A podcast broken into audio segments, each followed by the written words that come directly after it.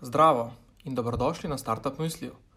Moje ime je Urban in vabim te k poslušanju tega zanimivega pogovora.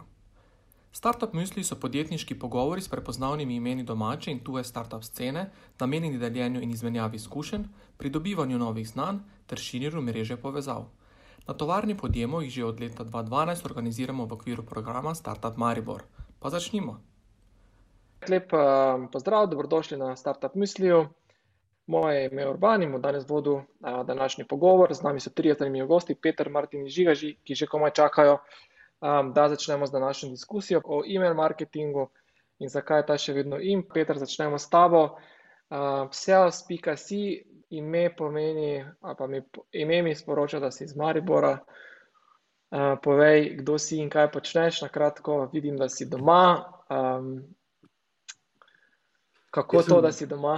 Ja, v osnovi je Born Raised, Mariborčan, ki pa je pač rekel, da so službe v Ljubljani in šel v Ljubljano no, in potem tukaj ostal. Um, generalno pa nekega dne, ta zgodba je bila že večkrat povedana, pa ne bom zdaj razlagal, ker je stokrat predolga, ampak brat je odprl v Mariboru na, na Tirševi trgovino z ekološkimi pridelki, odprl je spletno trgovino, ni delala, je rekel zrihti, sta nekaj, koliko imaš denara, je rekel nič. In sem začel delati SEO ki je bila edina stvar, ki je bila zastojna. Ko sem začel delati SEO, tega je že 25 let nazaj, sem potem začel ugotavljati, da je treba delati poleg SEO tudi druge stvari. E-mail marketing in uporabniška izkušnja je poleg SEO tista, s katerim se zadnje čase pač največ ukvarjam. Trenutno samostojni marketinški svetovalec. Jaz imam najboljšo službo, zato ker ljudem razlagam, kaj morajo narediti, pol so pa sami krivi, če naredijo ali ne. In jaz lahko sam skregam, nisem pa jaz odgovoren za rezultat. In tega, to sem se zdaj zrihtal in um, uživam, um, nažalost, v Ljubljani, ampak pač je. Ne moreš med vseh.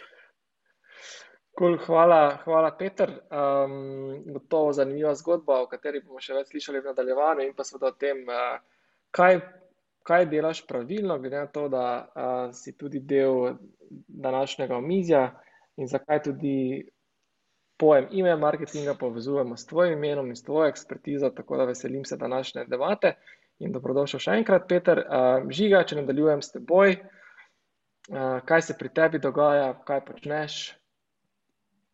Uh, ja, skozi kaj novega. No. Tako da, um, mogoče na kratko, začel sem dost uh, v tehničnih vodah pa sem nekako prešaltil na crowdfunding, na Kickstarter in podobne, da sem imel kar nekaj uspehov, pomagal sem cel kup enim ekipam. Um, to me je potem vodila pot v digitalni marketing. Da zadnje, zadnja, zadnjih kar nekaj let sem v tej sferi in ena izmed ključnih stvari v, temu, uh, v digitalnem marketingu je tudi komunikacija. Ne. Tako da skozi e-mail um, je to nekako ko bi rekel, najbolj efektivna, um, in tako sem nekako tudi v tem končal. No. Sem pa bolj fokusiran na avtomatizacijo, kar bomo verjetno tudi polkaj se dotaknili. No. Absolutno. Žiga, dobrodošel, uh, še enkrat in hvala za udeležbo. Uh, Martin, Martin. Živijo, lepo zdrav vsem. Me prav zanima in se veselim, da se s kom od vas, ki ste zdaj tukaj prisotni, kasneje tudi živo, kaj pogovorimo. Bom z veseljem odgovoril na kakšno vaše konkretno vprašanje. Eh, drugače lahko razkrijem najbrž eh, skrivnost, da se z Urbanom poznava še iz eh, daljnih časov, iz prejšnjega tisočletja, ko smo bila sošolca na faksu. In je v bistvu bil ta dogodek povod, da me je poklical po 20 letih, a ne urban, tako da res, res lepo, uh, da, tak, da ima ta dogodek še dodano vrednost. Uh, zanima me, zakaj ste v bistvu vi danes eh, tukaj zvečer, danes zbrani. Verjetno imate veliko drugih možnosti in bom vesel, da mi postavite tudi kakšno vprašanje. Verjetno ste me že zasledili v preteklih letih. Ko sem začel organizirati večje izobraževalne dogodke, seminarije, se je udeležilo več sto udeležencev tudi naenkrat. Ampak ponavadi ljudje opazijo te, ko se nekje pač začneš oglasno izpostavljati ali pa preko PR-ja. V bistvu pa sem že v teh vodah 20 let marketinških, od začetkov v marketinški agenciji, pa potem vodja marketinga v hotelu, kazinoju. To so bili lepi, zanimivi časi, veliko je bilo koncertov tudi, pa limuzine je bilo treba urediti, napolniti hotele, spolniti, v bistvu napolniti, izprazniti restavracije. Skratka, en tak dinamični del, seveda potem tudi direktor projektov v Agenciji za zakup medijskega prostora in časa. Skozi moje roke Mediaplane in ekipo Mediaplanerjev so šle stotine milijonov tolarjev, takrat še, še ni bilo evrov današnjih, in lahko rečem, glede na tiste Mediaplane, saj smo delali za Max podjetja, top slovenska podjetja. Super je, res je super, da imamo danes vsa ta orodja na voljo, analitična, da točno vidimo v digitalnem marketingu, kam kakšen evro gre in kaj za njega dobimo. bil sem tudi direktor projektov v najstarejši piar agenciji, torej agenciji za odnose z mediji, za odnose z javnostmi, in loščenje imidža ali podjetja ali pomembnih posameznikov, pa tudi vodenje marketinga v banki. Zdaj sem odkril skozi to pot, da kreativec v meni rabi svobodo, tako že štirinajst let vodim svojo marketinško agencijo. Sem imel priložnost s svojo ekipo zagnanih sodelavcev sodelovati preko sto slovenskimi podjetji. Zadnja leta se pa usmerjam in me prav vleče, čustveno srce me vleče v sodelovanje z uspešnimi podjetniki, ali pa tistimi, ki so na začetku poti, pa imajo v sebi eno poslanstvo, bi radi uresničili.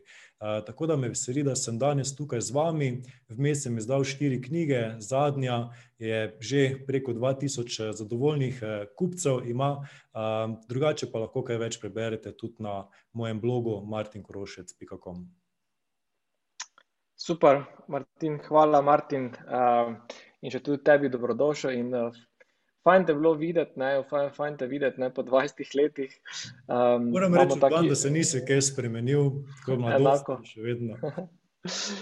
Enako, skratka, dajmo ta reunion zdaj, nadaljevati, danes imamo, pokrivamo nekako, tri teme.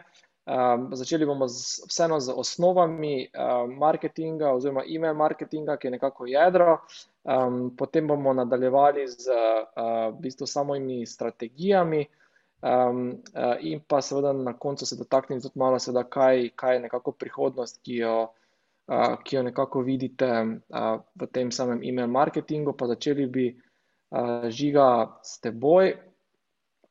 torej email marketing je že kar nekaj časa, med nami oziroma eno izmed najstarejših orodij, ki nekako, kje nekako v tem celotnem komunikacijskem spletu ga mogoče vidiš, in, kje skozi mogoče neko tvojo zgodovino, kako se je tudi spreminjalo?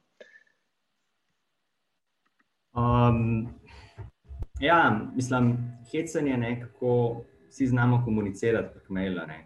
ni težko napisati prijatelju enega maila ali pa ga vprašati po mailu, ampak v podjetniškem svetu, ne, je pa, nam je pa to tako težko, je pa težko komunicirati z ljudmi, ne. In, ljudje ful se preveč mogoče na eni strani trudijo narediti neki email, pač želijo narediti neki tak lep letak, tako kot tiste, ke talajo, vem, na ulici ali kaj podobnega, ne, in vsak mail mora biti perfekten, ne. Ampak realno gre tukaj za neki komunikacijski kanal, ne. In, tudi kaj mogoče večina, vsaj v poslovnem svetu, premalo mislim, na, na kaj se premalo fokusirajo, je to, da razvijajo neko dvosmerno komunikacijo, ne, email ni bil nikoli mišljen kot enosmerna komunikacija, kjer jaz serviram ljudem, neke informacije, ne, pa ne pričakujem za to, odgovora, včasih se je celo uporabljal, email naslov no reply, ne, kot neki tisti de facto, ko si pošiljal newsletterje, ne. in to, to so mogoče neke tiste pomanjkljivosti, ke, ke se jih ljudje ne zavedajo, no.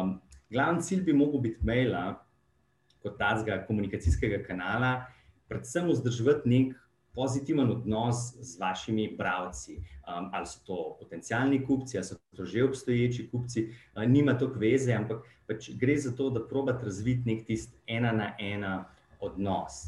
Um, tako da jaz vidim e-mail marketing oziroma to komunikacijo bolj v tem, da, da res nekako probate vključiti te svoje bralce, da jih probate informirati privabiti uh, nazaj na vašo spletno stran, kakšne dogodke, na karkoli tazga. Ne? Skratka, na nek način negovati, pa probati čim bolj um, engagati oziroma vključiti v celoten ta proces. To je super izhodišče, žiga. Uh, hvala za te misli. Skratka, ne, uh, gre za. Vse nam mogoče malo drugačno razumevanje, kaj sploh v resnici ta e-mail marketing je. Ne? Mogoče ga imamo preveč v mislih kot to, kar si omenil. Ne? Nek tak letak, uh, elektronski, ki ga, s katerim samo prodajemo, prodajemo, prodajemo, ne? da je to enosmerna komunikacija, v resnici pa gre za en tak, v eh, dvosmerno eh, komunikacijsko orodje, pa mogoče povezano tudi s tem osnovnim razumevanjem. Um, kaj pa so po tvojem mnenju nekako cilji, um, ki si jih lahko z takim širokim razumevanjem, pravilnim razumevanjem e-mail marketinga nekako postavljamo ali pa si jih je smotrno postavljati? Se pravi, kot sem rekel, ne, mislim, no, da glavni cilj bi lahko bil to, um, vzdrževati nek pozitiven odnos s pravci. Ne. Um, se pravi, ne samo enosmerno servirati neke informacije, takrat, ko mi mislimo, da so pomembne. Večinoma je to tako, da takrat, ko je treba zdaj nekaj prodati, um, takrat pošljemo ljudem nek newsletter s popusti, z akcijami, um, sprošno, da bi oni potem nekaj kupili. Ne um, ampak da že predtem, preden jih prosimo, okay, da jim serviramo kakšne uporabne informacije, um, da jih vprašamo tudi, kdaj kaj. Skratka, da probamo razviti nek tak pristen odnos um, z njimi. Um, okay. ja. Govorim še samo to, pri teh ciljih, je ta pristen odnos, kako pa to kvantificirati. Zdaj, v tem digitalnem marketingu smo mahnjeni na številke, KPI, vse se da meriti. Zdaj, kaj pa nekako je tvoj ta metrika dobrega odnosa ali pa cilja, nekako povezanega s, te, z e-mail marketingom? Um, mislim, definitivno se tukaj da tudi lepo meriti. Zdaj, če razvijamo nek odnos, če ljudi nekaj sprašujemo v e-mailih, um, potem bomo dobili tudi neke odzive na to. Ne? Seveda, če ni odzivov, če ne dobimo replaja, um, če ne klikajo na tiste. Um, Vem, linke, ki smo jim poslali, ne, potem pa zelo hitro vidimo, da vsebina, ki jo serviramo, um, ni engaging, se oni z njim ne poistovetijo. Ne. Um, zdaj, seveda, kot sem rekel, če jih že te umele vprašamo, pa nekako pričakujemo posmerno komunikacijo, da nam bodo tudi odgovorili nazaj.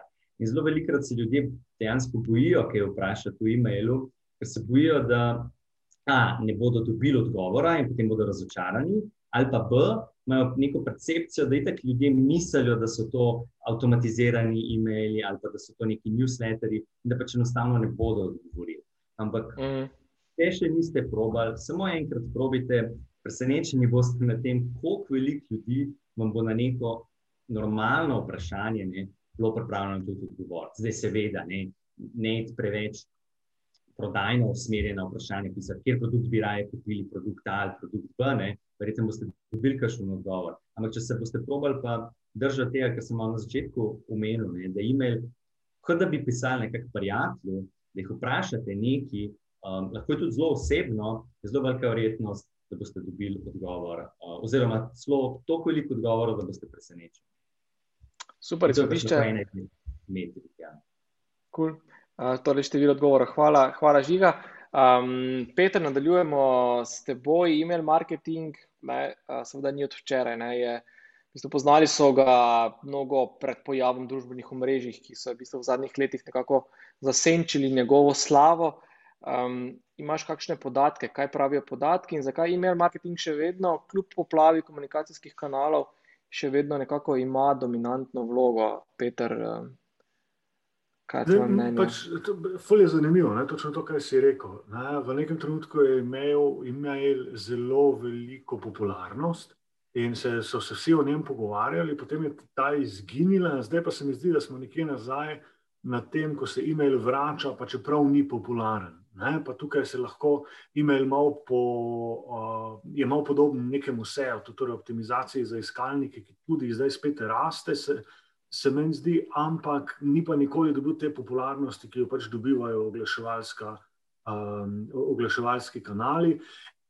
Zato, ker pač na, na, na vseh oglaševanjih je vse instantno.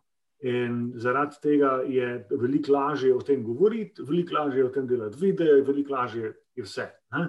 Um, in tudi veliko lažje ga je delati. Pri, in pri email marketingu je pa seveda najprej treba vložiti noter veliko dela, in potem lahko imamo neke instantne, velike rezultate. No, in tisto začetno delo je ponovadi tisto, ki je problematično, in zaradi tega imamo pogosto z, um, z, z email marketingom težave.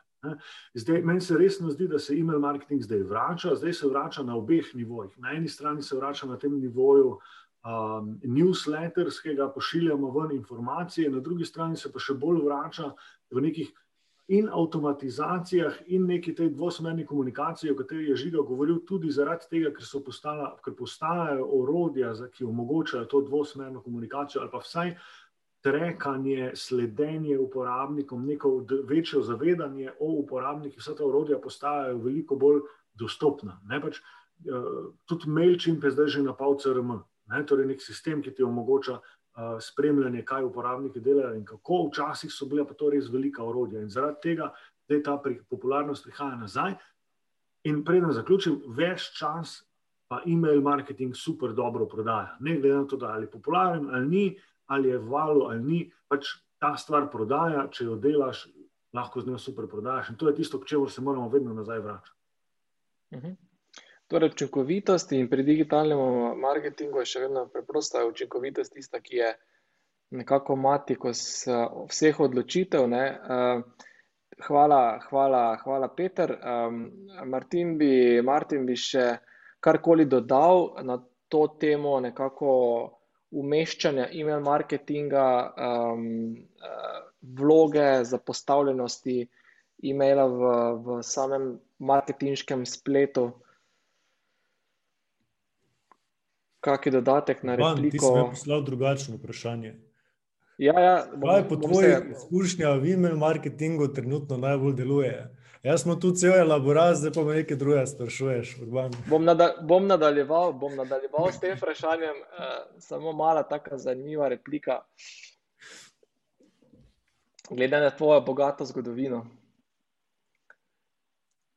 No, ali pa če nadaljujem evo, s svojim vprašanjem. Um, torej, kaj po tvojih izkušnjah v e-mail marketingu trenutno najbolj deluje, kaj se je spremenilo v zadnjih nekaj letih in katere okoliščine so vplivali na te spremembe? Izvoli, Martin. Potrjeno. Ja. Potrjeno. Okay. Sem kar presenečen nad tem vprašanjem, tako da bom zdaj kar uh, odgovoril. Um, v resnici me pa bolj kot uh, odgovor na vprašanje zanima, kdo ste vi, skrivnostne osebe za črnimi ekrani in prečrtanimi mikrofoni. Kdo ste vi? Kdo si ti? To ni samo posledica tega, da imam tri otroke in poslušam cele dneve eh, Ano in Elzo in tisto pesem. Kdo si ti? Želim te spoznati, ne bom pel, ne se bat, ampak kdo si ti? In kot nalaž, če zdaj tu še oddaja, Ko da ni dovolj na pesem, zdaj še na televizijsko oddaja, kdo si ti, ko so neki tipi zamaskirani ali pa tipice in pojejo in plešajo. In to je v bistvu prvi del vprašanja, kaj po tvojih izkušnjah v ime marketingu trenutno najbolj deluje. Kdo si ti? Torej, kdo so ljudje, s katerimi se pogovarjamo. Tako da lepo povabljeni, da kdo v čat napiše, eh, kdo je, s čim se ukvarja, kaj ga zanima, zakaj je danes tukaj. Torej, poznati človeka, s katerim se, kot sta dejala kolega, pogovarjaš preko maila, to je najbolj pomembno. Ker seveda čas je omejen, ljudje si želimo pozornost eh, nameniti eh, tistim momentom, tistim dražljajem, ki nam prinašajo neko korist. Zato moramo eh, vedeti, kdo je oseba, kakšen je njen problem, kaj, v kakšnem postopku ali pa procesu uh, nakupa je, ali samo zbira informacije, ali se izobražuje, ali išče podatke o ponudbi in storitvah, kot je naša, ali je že kaj kupila pri nas, je že prijavljena na e-novice, ali se vrača redno, je neaktivna, je aktivna. Skratka, moramo predvsem razmišljati o tem, s kom se bomo pogovarjali. Drugače bomo bolj kot ne monotono govorili, ljudje se bodo prijavili na naše e-novice, ampak jih ne bodo kmalo nehali brati. Torej, postavimo se v vlogo prejemnikov e-maila in sprašujmo vse čas v globino, kdo si ti, ker samo na ta način bomo lahko potem šli v nadaljevanju v segmentacijo. In to je osnova. Ampak ostanimo pri tem, kaj trenutno najbolj deluje. Kljub vsem tem možnostim, ki nam jih tehnika ponuja trenutno, lahko e-mail marketing, dajmo eno svobodno primerjavo, primerjamo z nekim načinom direktne komunikacije s člani našega plemena. Dvajset let nazaj, ko sem začel v marketingu, je to bilo popularno, ustvarimo svoje pleme, ustvarimo svojo skupnost. Zdaj, hec je pa tukaj, da niso fizično tukaj, lahko z njimi komuniciramo preko e-maila. Ali če bi šli nazaj v zgodovino, bi lahko dejali: komuniciramo s svojim plemenom z dimnimi signali. Zato pa moramo vedeti, kdo so, kje so, kaj jih zanima, in tudi oni morajo nas poznati. Zdaj pridemo do druge točke sestavljanke, poleg kdo si, kdo sem. Torej, kdo sem kot ponudnik? Kakšna je moja unikatna prodajna prednost? Kakšna je moja znamka? Kakšen problem rešujem? Skratka, morate si odgovoriti, kdo ste, in biti vi.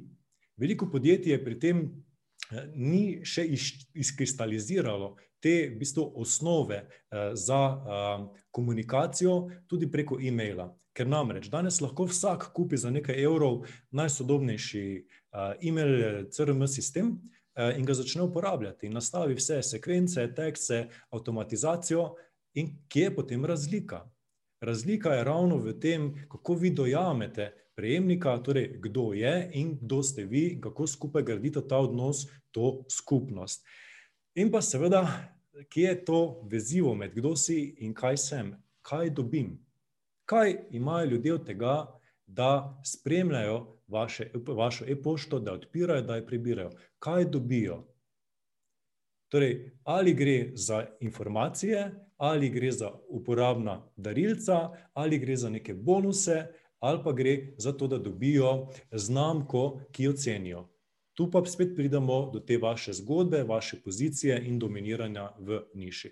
Torej email marketing je na koncu odraz tega, kako ste se lotili celotne marketinške postavitve vaše zgodbe, predvsem pa torej ne komunicirajte enosmerno, ampak se sprašujte, kdo so vaši prejemniki. Torej to bi bil odgovor na vprašanje, hvala, Urban. Kaj po tvojih izkušnjah v email marketingu trenutno najbolj deluje?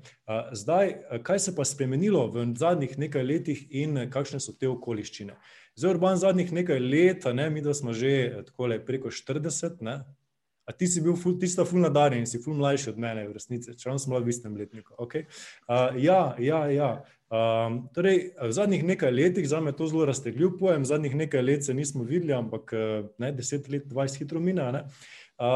spremenilo se je veliko. Če se spomnimo, kako smo včasih brali maile, recimo si prišel domov in si pojedel kosilo in si se usedel potem za računalnik stacionarni in ga prižgal. In potem si odprl email in si začel brati emaile. Kako pa danes beremo emaile?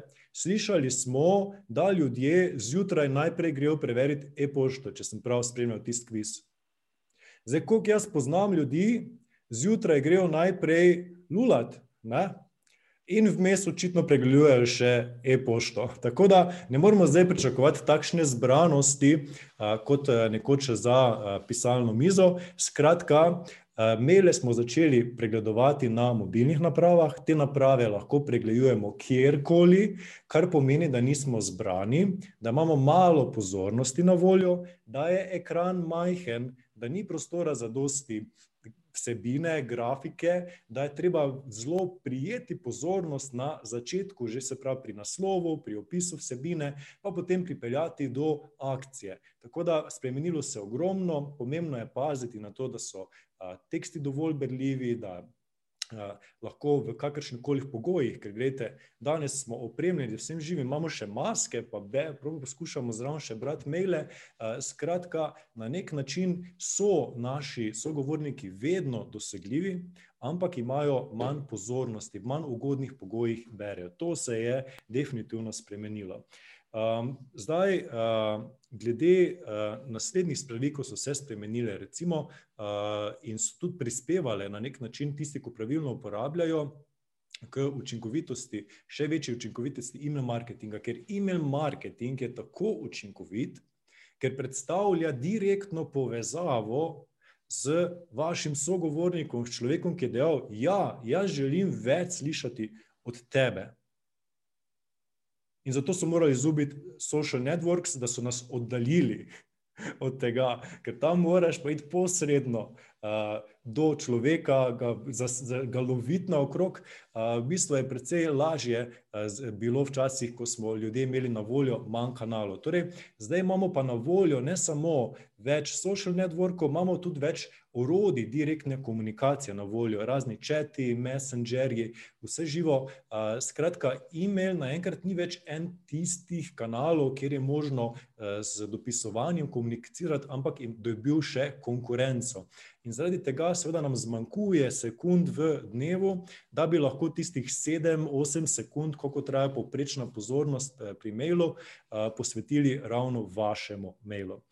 Kaj se je spremenilo, je, to, da je postala zelo pomembna segmentacija. Recimo, že segmentacija, glede na odziv, se v bistvu postavlja že pri ponudnikih e-mail sistemov. Naprimer, Gmail je uvedel tole razdelitev, glavna mapa, promotions in pa social. In zdaj, seveda, glede na to, kako se ljudje odzivajo na vaše mailinge, kakšna je pač stopnja odprtosti in tako naprej, vaše, eh, vaše e-maile gladko predstavi iz mape glavno v mapo promotions. Uh, zakaj to Google počne? Po eni strani zato, da bi vi dobivali manj pošte, ki je očitno ni tako zaželena pri vas, po drugi strani pa spet, zakaj bi praktično zastojn dovoljeval, da vaša sporočila pridejo direktno do prejemnikov, direktno lahko pridete v stik z človekom, ki klikne in lahko že kupuje na vaši strani. Če pa lahko več plačate, naprimer za Google oglase. Tako da vedno je potrebno razmišljati, kaj, komu to vse koristi. Posledica pa je, da imajo potem e-maili manjšo vidnost in pa seveda manjše odpiranje, manjši obisk in pa manjši rezultat.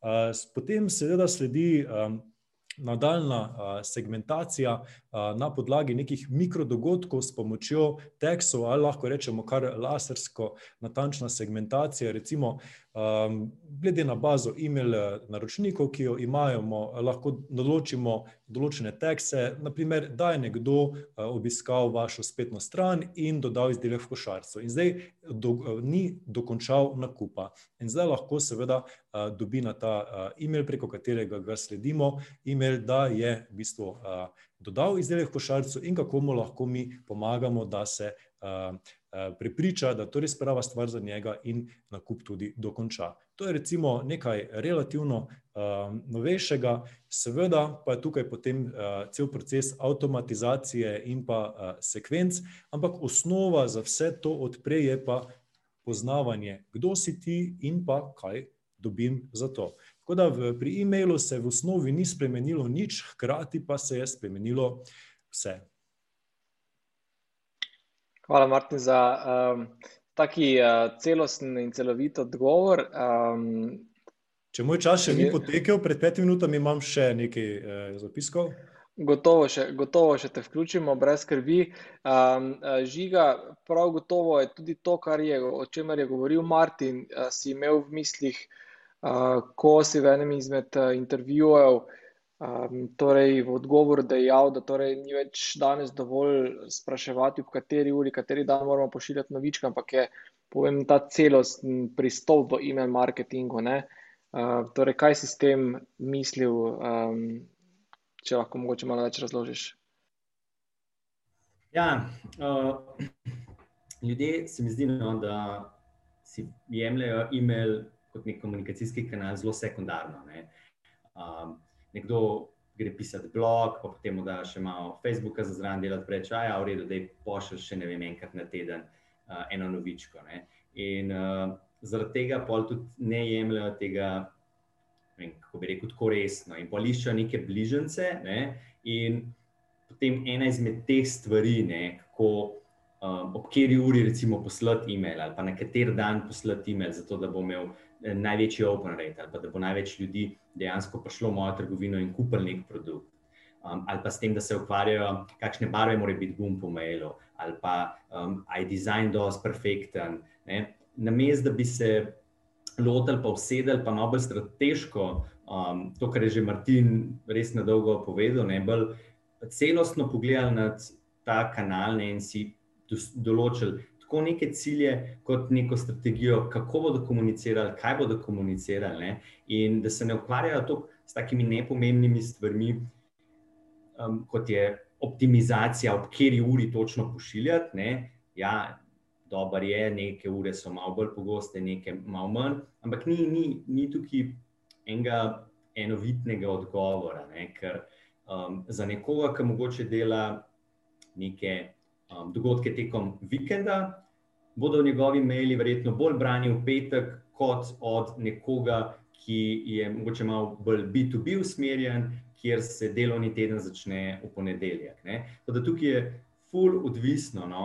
Um, komu pošiljate, kdaj mu pošiljate, zakaj mu pošiljate. In je bolj, da se ukvarjate s tem, kaj pošiljate ljudem, da se fokusirate na zanimivo vsebino, nekaj, kar bodo bralci res z veseljem prebrali, vam tudi kaj odgovorili.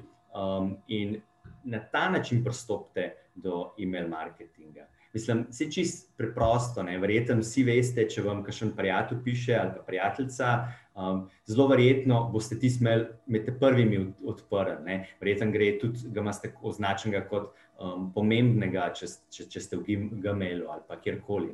Zato, ker veste, da vam ne bo kar neki pisal, ampak da je zihar nekaj pomembnega. Mogoče rab pomoč, um, mogoče ima kakšno uh, novo stvar za vas, mogoče je lahko tudi kakšna hecna slika. Ampak veste, da bo definitivno nekaj zanimivega. Ne? In uh, na tak način bi mogla tudi podjetja pristopiti. Se pravi, najdete neke teme, ki so za njihove bralce zanimive ne, in tega jim več servirati. Um, ne pa sam imeti e-mail kot sam nek dodatek, nekaj, kar morajo delati, zato ker vsi to delajo in pač bomo zraven, uh, ker smo blog napisali, vrgli sem še to e-mail, ker tako se pač dela. Um, mm. Tako da se mi zdi res pomembno, no, da se fokusirajo bolj na to, kaj pošiljajo ljudem, da probijo ugotoviti, kaj bi ljudje radi od njih slišali, brali.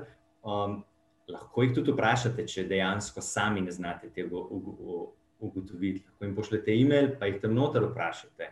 To je ena izmed tistih stvari, ki sem že v prvem uh, vprašanju povedal. Ne? Dvosmerna komunikacija. Če česa ne veste, vprašajte jih. Tako da, ja, vsebina se mi zdi ključna tukaj, in na to čist premalo ljudi daje nekega podarka. Mhm. Super. Uh, in na to vsebino je tudi nekaj vprašanj. Torej, Mojca in Mila sta zastavili nekaj vprašanj, ki bomo kar vključili sproti, ker se pokrivajo tudi s temi našimi. Um, Peter, če se predstavim na tebe in povežem z vprašanjem Mile. Um, torej, uh, kako začeti z e-mail marketingom, strategija e-mail marketinga, tako zelo preprosto, konkretno, kakšni so koraki, kje začeti, kako zasnovati. Peter. Ja, to je ne, um, ne samo vprašanje za milijon dolarjev, ne, ampak zdaj eh, publiki 76, ali koliko nas je tukaj noter, a, ki so popolnoma različni, ne, a, iz celotne Slovenije in tujine, povedati, kako ne naredijo svojo strategijo, seveda ne gre. Ampak lahko pa govorimo o stvarih, ki jih, a, ki jih lahko naredimo. Ne. Jaz mislim, da številka ena, ki je, je zagotovo to, da moramo resno pristopiti k pridobivanju baze in k pridobivanju e-mail pridobivanju e-mail naslovov. No? In že tukaj, ne, pač 90, velik del, velik odstotek podjetij se bo tukaj naslonil na dve stvari. Eno je na to, da na kupce, ki pač morajo dati e-mail naslov, ker pač drugače ne gre, ali pa se bodo naslonili na to, da imajo v mnogi svoje spletne strani obrazic, na katere piše: naročite se na naše novice in vam bomo pošiljali akcije in, uh, akcije in uh, popuste. Um, in pač ne delati tega. Ne? Razmislite, to, kar ste očitno se mu zelo ponavlja. Razmislite, kdo, so, kdo ste, pa kdo so vaši kupci, in na vašo spletno stran dajte informacije, ki jih oni želijo, in jih preko njih pridobivajte njihove e-mail naslove. Na takšen način bo odstotek e-mail naslovov, ki jih boste dobili, pač veliko več, število e-mail naslovov, ki jih boste dobili, veliko večje, in zaradi tega boste tem ljudem lahko tudi bolje prodajali. Seveda je zelo odvisno od tega, ali imate enkratne kupce ali imate ponavljajoče se kupce, je vprašanje, kako dobro vam bo delalo e-mail marketing, pač tisti ljudje, ki so že kupili na vaši spletni strani, ampak vseeno. Torej, ena, povečajte število mailov v vaši bazi, pa boste že lahko super dobro začeli delati. In dva, ne, nekje sem eno dobro slovensko podjetje, ima strategijo, ne, če na nekem trgu, na nekem brendu, dokler nimajo 2000 mailov, a, ne začnejo e-mail marketinga delati. Ne, ampak to je direkt sale, široka publika, ni nujno, da je primerno za, za vse, ampak lahko pa navedem kot eno primer. Ne? In druga stvar je, pač začnite stvari pošiljati. Um, jaz se tukaj malenkost naločim od tega, da prebrati vse strategije in vse na, na veliko uh, razložiti, je super, ampak ne, um, če nam to ne gre, lahko zelo dobro začnemo samo s tem, da začnemo stvari pošiljati. Glavna stvar, ki, ki jo ne smemo delati, je, da izhajamo iz sebe, ampak moramo izhajati iz naše ciljne publike. Pomeni, ne, ne biti samo, evo, naše akcije, to so stvari, ne, ampak razmislite o tem, kaj vaši kupci potrebujejo in jim to povejte. In to morate, ne, nič novega vam ne bomo povedali. Ne. A, to je stvar, ki jo morate delati na, na Facebooku, oglaševanju, to je stvar, ki jo morate delati na SEO, to je stvar, ki jo morate delati na content marketingu, to je stvar, ki jo morate delati na e-mail marketingu. Ne? Na takšen način boste lahko prihajali. Pa, fulno če biti zdaj strateški svetovalec, ki bo kle razlagal 15 minut, pa ne bo ničesar konkretnega povedal. Ne? Začnite s povečati si bazo na takšen način, da, boste, da, da tisti obrazec iz noge premaknete nekam, kjer ga bo vsakdo videl. Je ena, in dva, pač začnite pošiljati maile, če jih še ne, če jih že, jih začnite pošiljati več.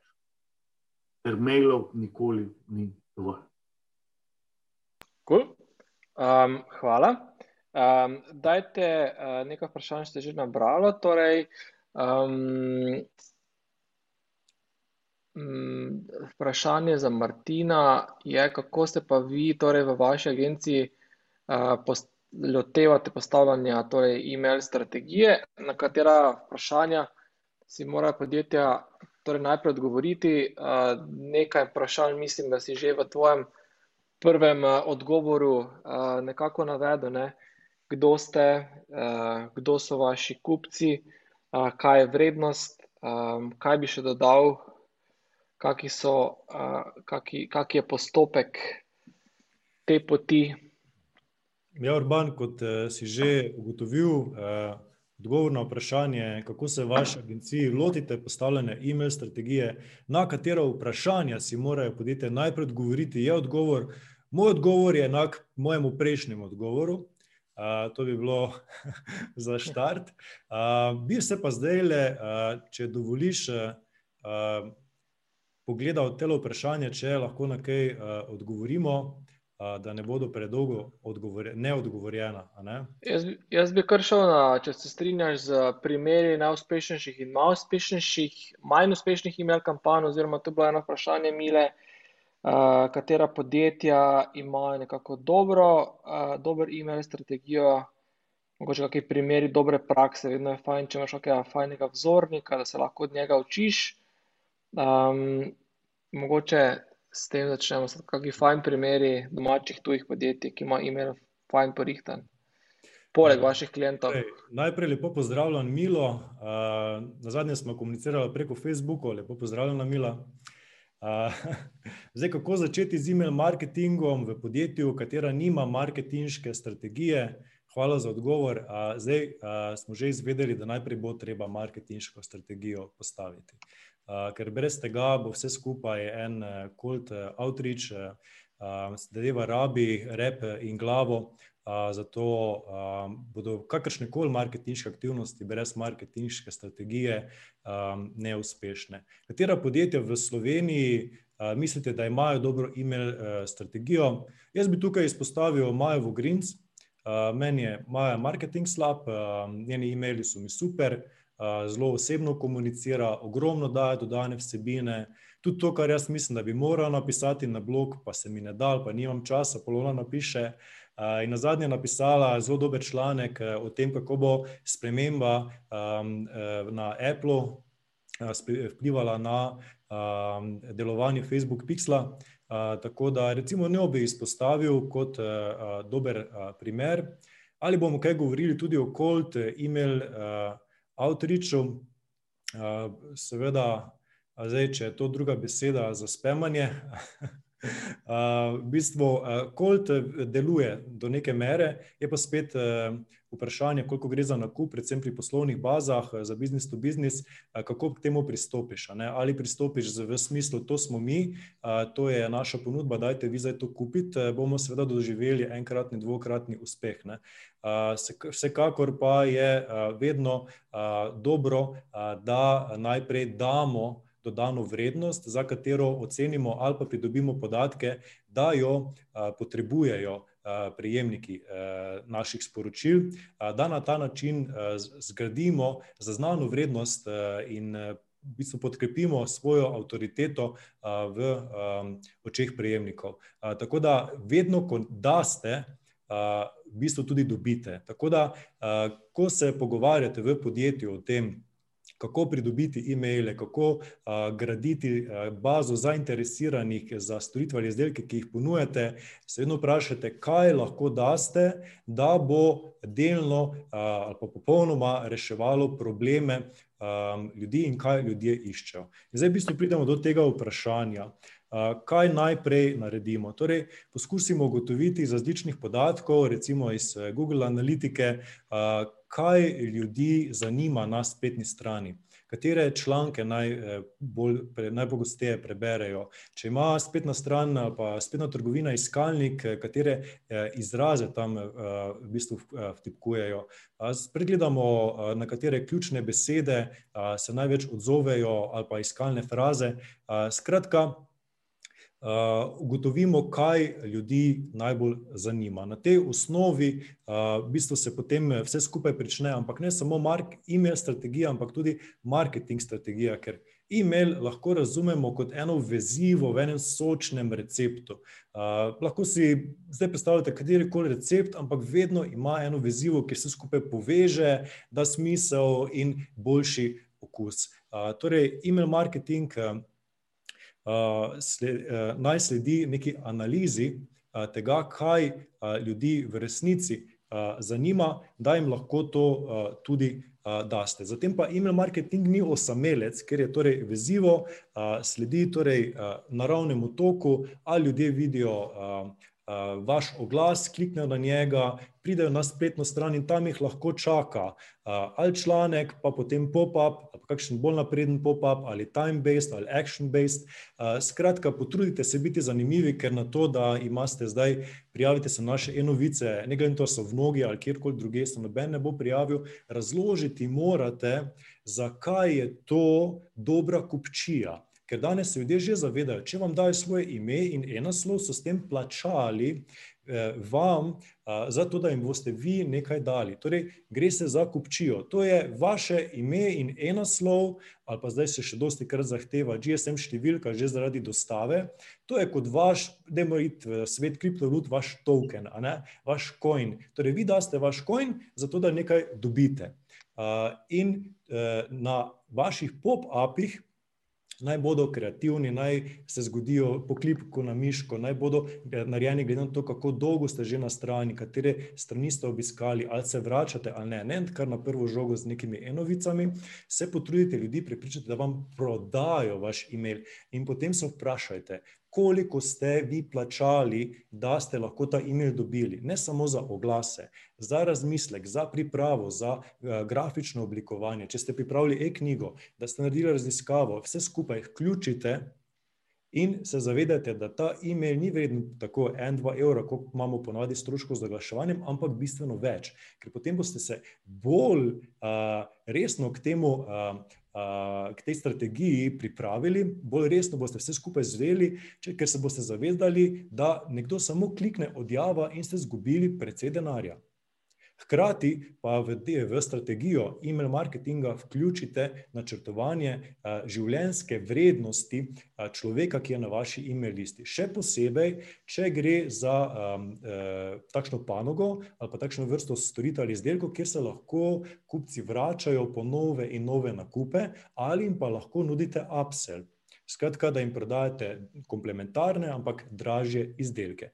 In torej naenkrat kupec ni več vreden en nakup, lahko je pa vreden v roku nekaj let, koliko lahko brez problema ostane na e-mail listi. Nekateri ljudje me spremljajo že 14 let, ali so pa celo 14 let stranke naše agencije. Potem vidimo, da takšen kupec lahko vreden ne x evrov, ampak krat, krat, krat uh, uh, evro in uh, iz tega izhajate, ko se pogovarjate o tem, da boste pripravili eno e-mail akcijo. En od kolegov je dejal, da se kakšnemu v ekipi da naročilo, malo na Facebooku objavi, pa še kakšno novičko pošli. Ne tega početi, razmislite, da lahko zaradi tega pridobite ali pa hitreje izgubite nekoga, ki vam lahko tisoče evrov prinaša. Ker To je že nek komitment, ko se nekdo k vam prijavi na e-mail bazo. Reče, ja, okay. želim od tebe kaj več dobiti.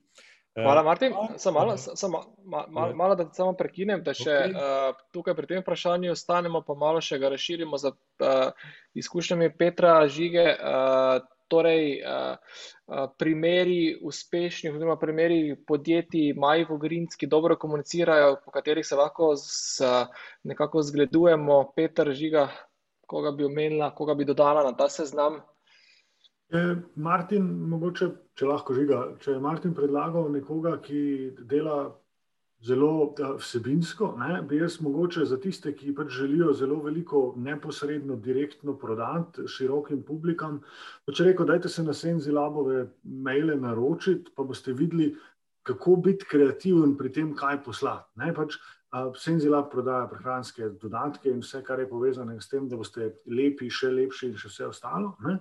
In um, pač pri njih ni, nisem se spomnil, kaj naj napišem v mail. Ne? Pri njih je mail, mora x krat na teden iti ven. In zaradi tega so pač to ljudje, ki so zelo dobro, dobri v tem, da razmislijo, kako dati mail ven in na kaj ga navezati. Ker še vedno ne morejo, na koncu, koncu, čeprav se v velikem delu naslanjajo na to, da vam prodajo 47 paketov za ceno dveh, ne? ampak še vedno je pa v mailu nekaj, kar uh, se naveže na resnično, na resnično življenje. No, da, jaz si rad, vedno rad njih, sem na njih naročen, pa nikoli nisem nič kupil, rečemo, um, zato da si bolj pogledam, ne, da dobim ene take ideje. Um, hvala, Žiga, še, kaj bi še ti dodal na ta seznam? Jaz pa lahko mogoče, um, vse slovenski, slovenske podjetje, ena dela v redu, ena dela zanimivo. Lahko damo mogoče enega um, tujega, da si lahko to pogledate.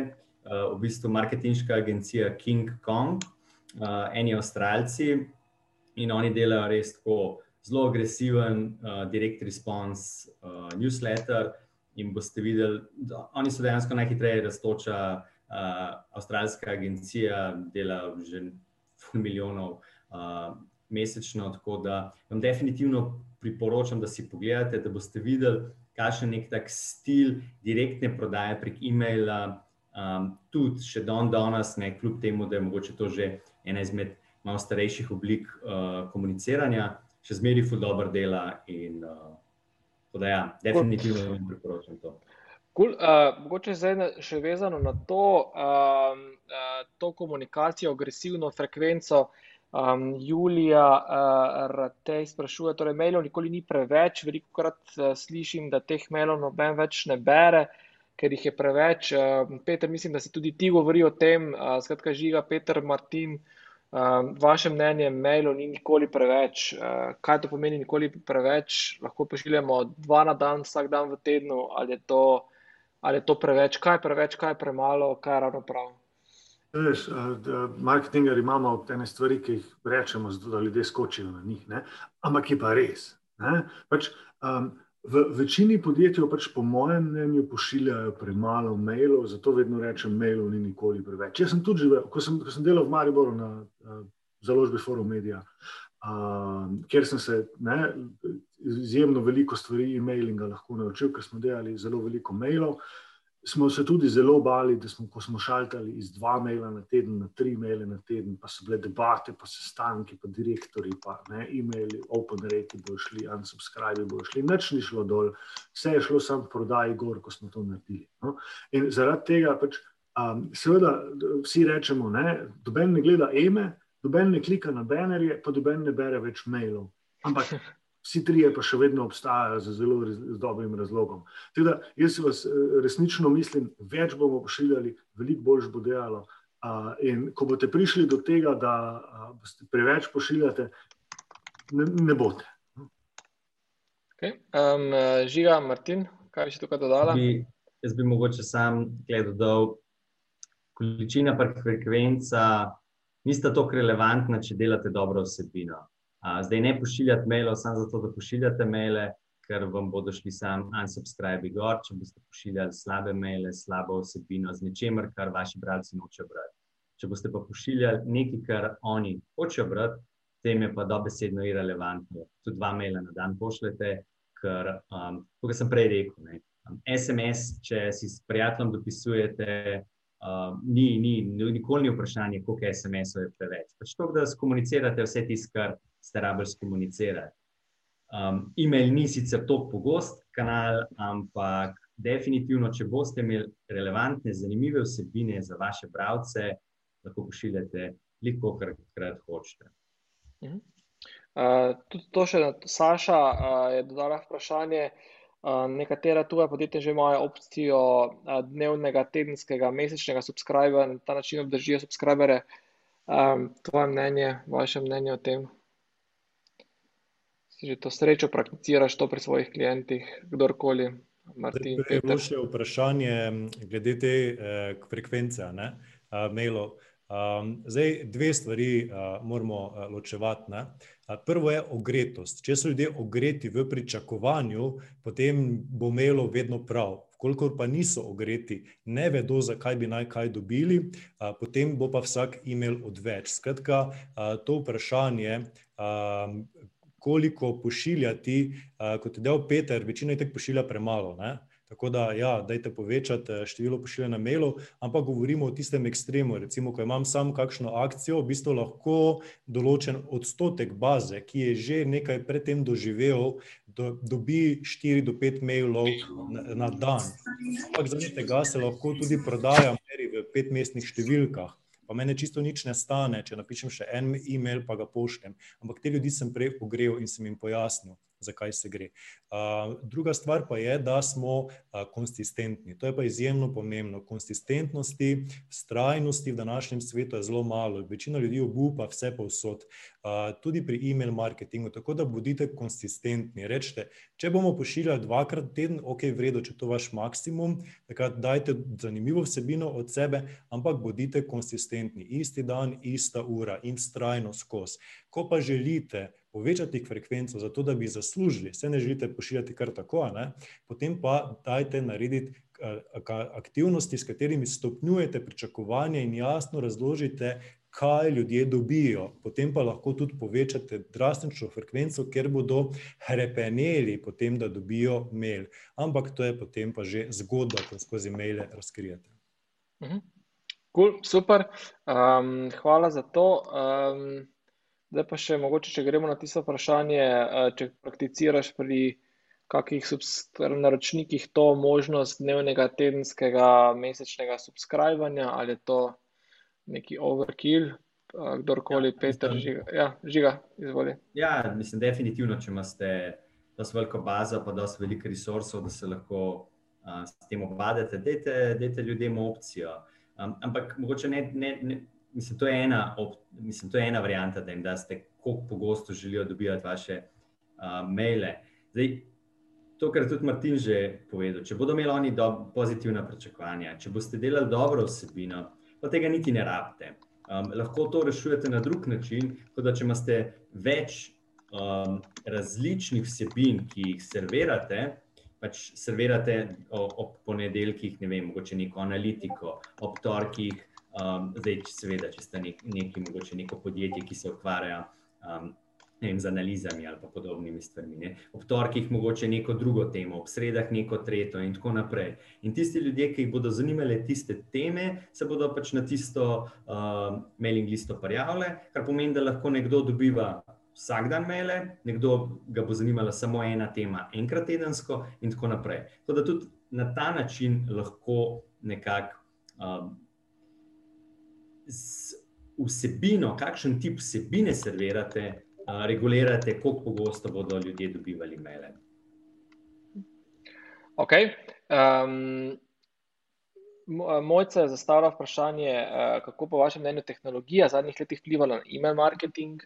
Um, je lahko na to kdorkoli odgovori. Oziroma, Mojca, prosim, če si lahko, če si lahko bolj, še bolj specifični, konkretni, kaj mislite s tehnologijo, um, da bomo lahko imeli v smislu novih funkcionalnosti. Okay, skratka, mogoče, če, če to prevedem, eh, katera orodja so na voljo e-mail marketingerjem, mogoče katera orodja vi uporabljate, jih priporočate, zakaj neki taki vaš arzenal, s katerim eh, v bistvu, eh, se borite na tej fronti pozornosti. Ker, Peter, če si odprt, kar začni, pa potem. Lahko, ja. Um, zdaj, Veliko je teh stvari. Ne. Jaz bom naštel nekaj stvari, ki meni v življenju pomagajo, pri tem, da delam stvari, potem pa pač seveda se lahko pogovarjamo o kajsi. Številka ena, vedno je problematično pridobivanje mailov. Zakaj? Zato, ker ste si naredili spletno stran, oziroma so vam naredili spletno stran, ki pač ni dovolj fleksibilna, da boste lahko imeli take in drugačne pop-up. Takšne in drugačne obrazce, da boste lahko obrazce postavili, kamor si jih želite, in tako naprej. Uh, mail manč je urodje, ki ga jaz uh, priporočam zato, da ga lahko enostavno, ko ga enkrat dodate na spletno stran, si postavite obrazec za prijavo na newsletter, pač bolj kot ne kamorkoli, na različne načine jih lahko delate. Verjetno ni najbolj napreden, je pa uh, taki, da lahko vsakdo z njim dela in je, uh, in je super. Z njim bomo dobili e-maile, ki jih bomo potem poslali v neki, uh, v neki uh, sistem za pošiljanje mailov. Tu se potem stvari pač nevrjetno zakomplicirajo. Ne? Sistemi, ki stanejo, sistemi dobesedno stanejo od 0 do 20 tisoč evrov na, na, na mesec. Um, jaz, ki rad pogosto in veliko pošiljam maile za mali gnar, najraje uporabljam Sandy. Sandy.co je po mojem orodje, ki, ga, ki ga enkrat kupite, ne rabite plačevati na računino in si ga namestite na svoj sistem in lahko pošiljate mailov, skoraj kolikor koli želite, za, iz, za bolj kot ne najnižjo ceno na trgu, zato ker boste uporabljali Amazonov SESov, Amazon SES server.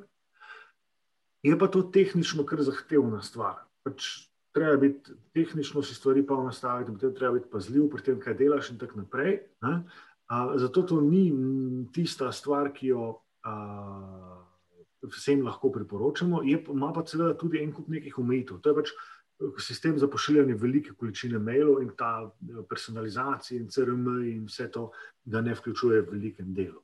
Jaz sem nekje na svojem blogu me, članek napisal, nehajte biti leni, um, nehajte uporabljati MailChimp, um, ki je verjetno res, pa ni čisto res, pa se fulno moramo odločiti, zakaj ali bi ga še vedno pustil na blogu ali ne. Zato, ker na eni strani je za entry level, torej za začetek nekega e-mail marketinga, ta sistem lahko, MailChimp lahko čisto super. Uh, odkar, se je mail, odkar sem jaz ta blog post napisal, je tudi, um, se je tudi pricing MailChimpa precej spremenil. Um, ampak na koncu koncev, ga pa ne ravno znam sem naročniku rekel, pa ostanite vi na tem MailChimpu, če vam je kul, cool, pa če ga ne plačujete, super, tako da, evo to. No? pač, kot, kot sem pa že na začetku rekel, pač ti sistemi so postali zelo napredni in marsikaj si lahko privoščimo. Zato je največja težava pogosto, da si podjetja nabavijo super sisteme, predvsem, ker te, se tem sistemu reče e-mail marketing avtomatizacija. Uh, uh, e-mail marketing avtomatizacijo in ljudje mislijo, da bodo manj delali, pa več naredili. Pač z e-mail marketing avtomatizacijo morate delati veliko, veliko več, kot ste delali s tem, ko ste pošiljali kratke maile. In da še na kratko odgovorim Andreju, um, Sandy, ne Sandy in Blue, Sandy, ki ga je dal Urban že v link, je tisti, ki nima mesečne uh, naročnine. Okay. Uh, hvala, Peter. Uh, žiga, bi še kaj dodal? Uh, mislim, glede na to, da email marketing ima en izmed uh, najvišjih ROI-jev, lahko prijete tudi do 44-kratnega um, return on investmenta. Jaz klej mislim, da šparati neki, um, pa imeti zastonjske programe, ki ti polno omogočajo vsega tistega, kar lahko narediš, nima toliko smisla. Če zdaj delate e-mail, pa ne prodajate uspešno z njim, pol delate nekaj narobe. Um, če pa uspešno prodajate, potem pa tistih, ne vem, par deset, par sto evrov na mesec, ki jih boste dali za neko malo bolj kvalitetno urodje, um, se ne bo poznal nikjer. Zdaj, mogoče nekakšen trik, ki jih eh, jaz najpogosteje uporabljam, so Sending Blue, to, kar je omenil Andrej. Um, klavijo, ki je mogoče še najboljši za kakšne Shopify trgovine, pravi za vse tiste, ki imate um, Shopify trgovino, in pa v bistvu moje najljubše urodje, no, Active Campaign, ki je tudi eno izmed. Um, v bistvu od teh treh je še najbolj kompleksno. Uh, iz vidika, kaj vse lahko naredite, tudi najboljšo povezljivost ima. Um, so si vsa tri približno cenovno enaka, s tem, da Sending Blue je v tem kontekstu še najcenejši, ker imajo večkrat drugačno cenovno politiko. Oni imajo vezano cenovno politiko na število poslanih mailov, ne na število kontaktov v bazi, kar je nekako drugače standard. Um, tako da jaz bi definitivno priporočal eno izmed teh treh urodij, tudi za, za začetnike so dovolj preprosta, da se hitro naučite, imajo tudi relativno nizke um, mesečne fije, za, uh, dokler imate relativno malo kontaktov. Tem, pa se enkrat začnete gibati okoli tisoč, par tisoč kontaktov, bi mogli pa že toliko prometa ustvarjati, da bi lahko bil ta strošek uh, zanemrljiv. No. Mhm. Super, hvala. Uh, Martin, tvoj seznam. Uh, ok, uh, v bistvu, če greste na Google in vtipkate uh, top email marketing trendi, boste našli moj članek na mojem blogu, uh, kot prvi na Google. Tam boste našli v bistvu, uh, v bistvu vsebino današnjega pogovora, pa tudi kup enih orodij. Uh, zdaj, uh, vprašanje še je bilo prej. Uh, ali uporabiti tole naročanje subscriberjev na tedensko, mesečno eh, dobivanje e-novice. To je lahko dobra strategija pri tem, da preprečite, da se ljudje odjavijo od eh, e-novic. Prej, prej smo že ugotovili, da je drago, da ljudje sploh se upišajo, drago je, da imate ljudi ali zunanje ali notranje sodelavce, da se z e-mail marketingom resno ukvarjajo, drago je delati vsebino in potem ne morete kar pustiti, da ljudje kliknejo odjavo in so odjavljeni. To morate otežiti malo. Ne? Skratka, otežite pa tako, da ko nekdo klikne odjava, naj se odpre posebna stran, na kateri vprašate človeka, zakaj pa se želite odjaviti. Ali vam lahko ponudimo, da vam pošljemo, naprimer, e-mail samo še ob nekih res velikih novostih, ali pa naprimer enkrat na dva tedna, pa še takrat obljubimo, boste res zadovoljni z vsebino. Skratka, takrat lahko to funkcijo tudi smiselno uporabite. Drugače pa v eh, agenciji uporabljamo različna ta orodja za e-mail marketing. Zdaj Sandy je odličen, se pravi Sandy za mass mailing, ko imamo baze nad več deset tisoč prejemnikov, ker ima dobro dostavljivost. Torej, dostavljivost v glavno mapo, zelo malo gre v spam in tudi zelo pocenje. Potem so tu klasični mailchimpi, ker jih pač veliko manjših podjetij začne uporabljati, potem to nekako raste z rastjo podjetja in večkrat vidimo tudi, da se zelo velike baze preko tega obdelujejo. Um, tako da MailChimp je itak neka osnova. Uh, Active Campaign ima ogromno funkcij, uporabljam pa tudi Squalo Mail, predvsem, ko gre za pošiljanje večjih baz, naprimer kupljenih za business to business v Sloveniji, ker je preprosto lažje razložiti izvor in ga dokazati skladu z GDPR, kot naprimer pri Sendiju, ker so malce bolj rigorozni postopki kot, naprimer pri, kot pri Squalo Mailu. Drugače MailerLite, tudi ogromno funkcij. Skratka, mislim, da sploh ni poanta v tem, katero orodje izbrati, ker je zadeva podobna pri teh orodjih kot pri mobilniku, ne. Mobilnik ima nekaj sto pametnih funkcij, uporabljamo pa jih nekaj, ne. Tako da vam kaj dosti ne bo koristilo neki nakup nekega ferrarija, če ne boste imeli nekoga, ki s tem zna, zmore in dejansko tudi dela s tem. Skratka, katerokoli orodje danes berete, dajte ga predvsem izkoristiti. Hvala. zdaj bližamo se zaključku debate, ne, še dobrih deset minut imamo. tako da dajte to izkoristiti, zastavite še vprašanja, da bomo res odgovorili na to, kar vas najbolj zanima. Sicer pa sem kot eno izmed vprašanj zastavil za vse goste ena taka zelo tipična vprašanja, ki so vezana na email marketing, na email marketing, kako povečati torej, ne vem, open rate in kako povečati, ja, predvsem open rate recimo. Pa bi mogoče za vsakega prosil en nasvet ali pa en trik, ki, za povečanje open rata emailov. začnimo kar, Martin, ko si še odprt, Martin, torej kaj je tvoj trik za povečanje open rata? Okej, pri open ratu bi dejal, da, če že povečujete open rate, se pravi, da ljudje odprejo mail, seveda to najlažje dosežete z naslovom. Ampak potem morate ljudi pozitivno presenetiti. Ne smete narediti tako, da ljudje odprejo mail in so potem razočarani, to je kontra efekt. Meni je bolj kot pomembno kot open rate, ali pa število klikov potem še na linku, stopnja konverzije, torej koliko je bilo pol dejanskih nekih konverzijskih dogodkov. Okej, bomo... Tako da kakšna konkretna zadeva bi pa vsekakor bila pri naslovu. Uporabite enostavno formulo, recimo, če rečete: stvari, ki dvigujejo open rate, lahko tako napišete naslov emaila, na primer. Zadevo začnite tako, da dodate številko: sedem stvari, ki dvigujejo open rate, ne. Potem stvar stvari, to je nedoločnik, spremenite v nekaj bolj zanimivega. Sedem razkritij, ki dvigujejo open rate. Dajte več podrobnosti, sedem razkritij strokovnjaka za digitalni marketing, ki garantirano dvigujejo open rate. In tako potem lahko skratka stopnjujete, pričakovanje, kaj se bo pravzaprav zgodilo, ampak v mailu pa morate to pričakovanje uresničiti. Super, super vsebinsko konkretizirano, Peter? pač Martin je dal zdaj ful teh nasvetov, ne. Dajte personalizirati zadevo pa, pa boste lahko še več naredili, ne. Torej Peter, zate sedem konkretnih nasvetov email marketing strokovnjaka, kako odpreti, email open rate, ne. ja. Okej, super, še personalizacija, Žiga, daj še ti nekaj dodaj.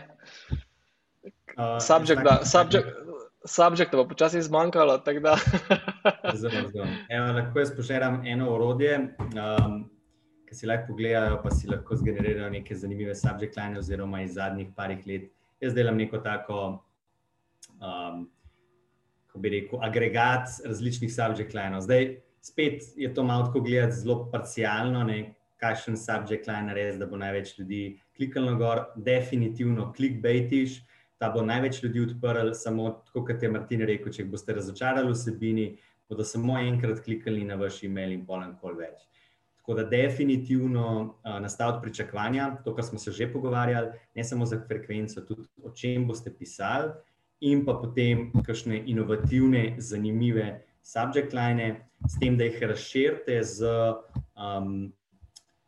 s, predtekstom. Zdaj v večini marketinških orodij vam omogočajo, da ta predtekst je drugačen kot dejanska vsebina emaila. Mogoče samo na hitro povem, kaj je to predtekst.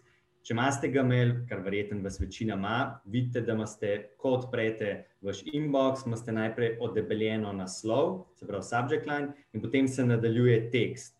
Ponavadi je ta tekst povzet takoj od prvi tekst, ki ga najde Gmail v vašem mailu. Se pravi, začetnih par besed, stavkov, kot imate še prostora. In zdaj, če imate vi mogoče kakšen zelo dizajnerski mail, je zelo verjeten ta tekst, ime neke slike in potem ful čuden izpade. Ali pa um, odprite uh, za, za več informacij, ali, oziroma če ne vidite tega e-maila, ga odprite v brskalniku, ne, kar je ponavadi na vrhu maila um, ta povezava. Ne. In to je zguba, zguba enega dobrega real estate, ker v Gmailu, ko preberete subject line, lahko nadaljujete z neko vsebino, da še dodatno privlečete ljudi noter v vaš mail da ga bodo odprli. Večina urodij omogoča ta pretekst. Če pa ne omogočajo, vam pa priporočam, da začnete e-mail, že uh, ko ga pišete, na nek zanimiv način, zato da se bo ta dodatna um, ta dodatni tekst tudi v Gmailu recimo, pokazal takoj za naslovom. Tako da mogoče optimizacija pred teksta. Cool, super.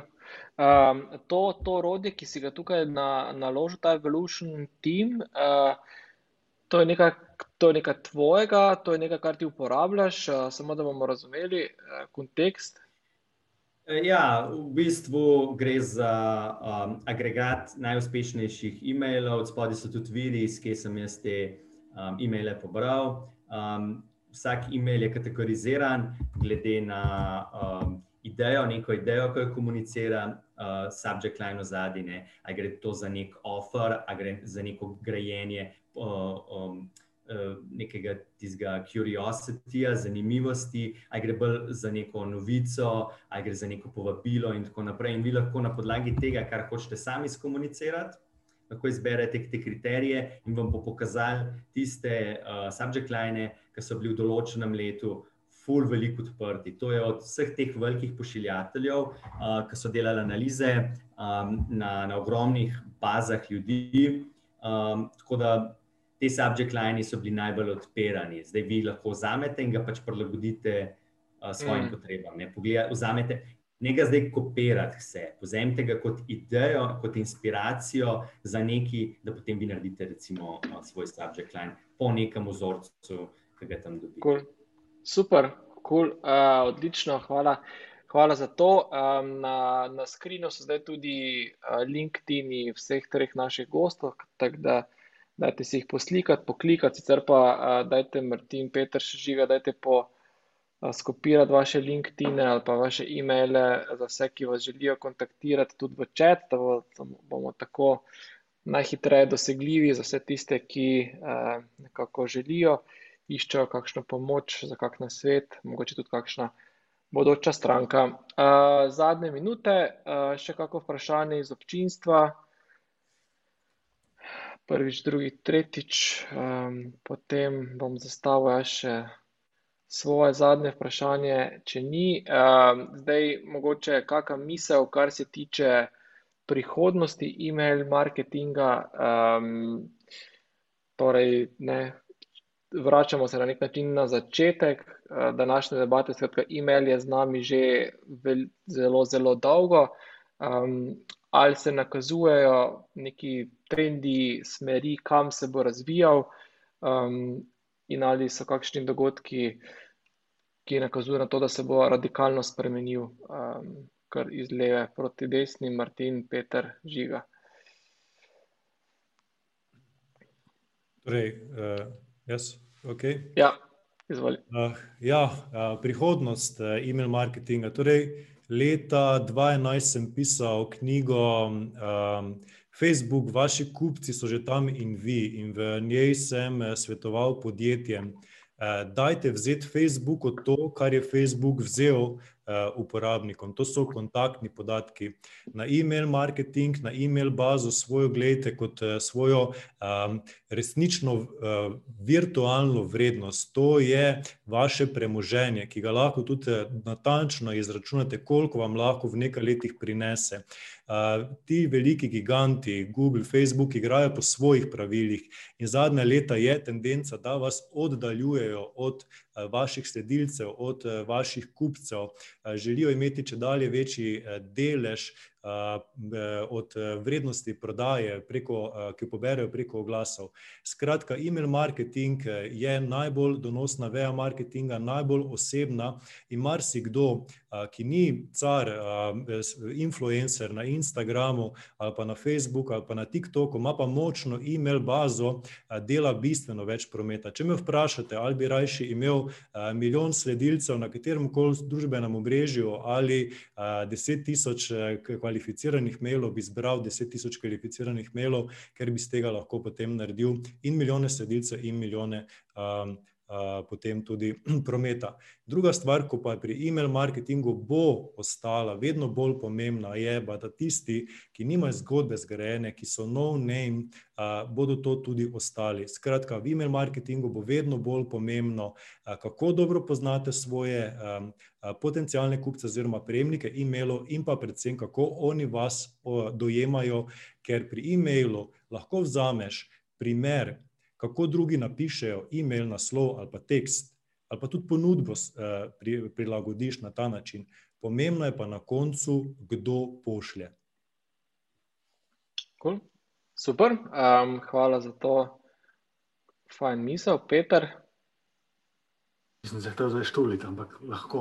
Pač, um, še boljše in z več informacijami, in bolj uh, personalizirano bomo pač delali v prihodnosti. Pač zavedati se je treba, ne, da vaša konkurenca ali pa tisti, ki so že dlje časa na trgu, imajo več informacij in zaradi teh večjih informacij lahko svojih kupcih lahko pač več delajo. In uh, to, to je tudi nekaj, kar je pač super pomembno. Pač, uh, S tem, ko čakate, da bodo začeli e-mail marketing delati, s tem, ko čakate, da bodo začeli podatke zbirati, pač zamujate izgubljene, zamujate priložnosti um, in se vam to nabira uh, skozi čas. In pač tisti, ki so začeli pred desetimi leti, danes lahko, um, danes lahko super že delajo. Vi pa pač morate, če boste danes začeli, boste čez deset let tam, če boste pa čez pet let začeli, boste pa komaj čez No, to mi nikoli ne gre razložiti, ampak se zastopite. No, prej, ko začnete, bolj boste lahko delali. In dolgoročno gledano, bodo ravno te različne informacije, ki jih imate o svojih kupcih, ki ste jih pridobili, omogočale, da bo lahko še veliko bolj delali na e-mail marketingu, in zaradi tega je to pač treba tudi naprej razmišljati. Mm. Cool, super, hvala, žiga. Uh, jaz bi rekel, da nekako tri glavni trendi. Eno grejo v interaktivne e-maile, se vidite že verjetno v Gmailu, kako lahko um, dogodek potrdite, če letite, kam ste že letalsko karto, direktno noter in tako naprej. To bo šlo samo še naprej, tako da boste lahko direkt znotraj e-maila kupovali. Um, druga, druga stvar je, bodo hipertargetirani in personalizirani e-maili na, na ogromne množice s pomočjo avtomatizacij, uh, in pa mogoče kot zadnjo, ki se mi zdi pa še zmeraj najbolj pomembna na vseh teh, da, da, se, da bo še več ljudi začelo delati vedno bolj avtentično in čim bolj zanimivo vsebino, ker na koncu dneva bo to tisto, kar vas bo razlikovalo od vseh ostalih, ki delajo isto. Odlično. Um, hvala lepa. Um, čas se nam je iztekel, zanimiva vlada debata. Uh, z veseljem bi še verjetno lahko debatirali o tem pozno v noč. Um, ampak vseeno hvala vsem trem, da ste si vzeli čas. Um, Martin, Peter in pa Žiga, uh, uspešno še naprej. Želim vam vsem uspešno delo in um, uh, se vidimo ob naslednji priložnosti, kot pa je začel Martin, ne, pa upam, da bo tudi kakšna živa priložnost. Tako da hvala lepa, uh, lepo zdrav iz Maribora uh, na vse konce Slovenije in se uh, vidimo. Ti je bilo všeč? Da ne boš zamudil novih epizod, klikni subscribe. Veseli pa bomo tudi tvoje ocene, komentarje in delitve, da za nas vedo še druge radovedne glave. Pobrskaj po naši bogati zbirki pogovorov, gotovo se v njej skriva še kaj zate. Se slišimo?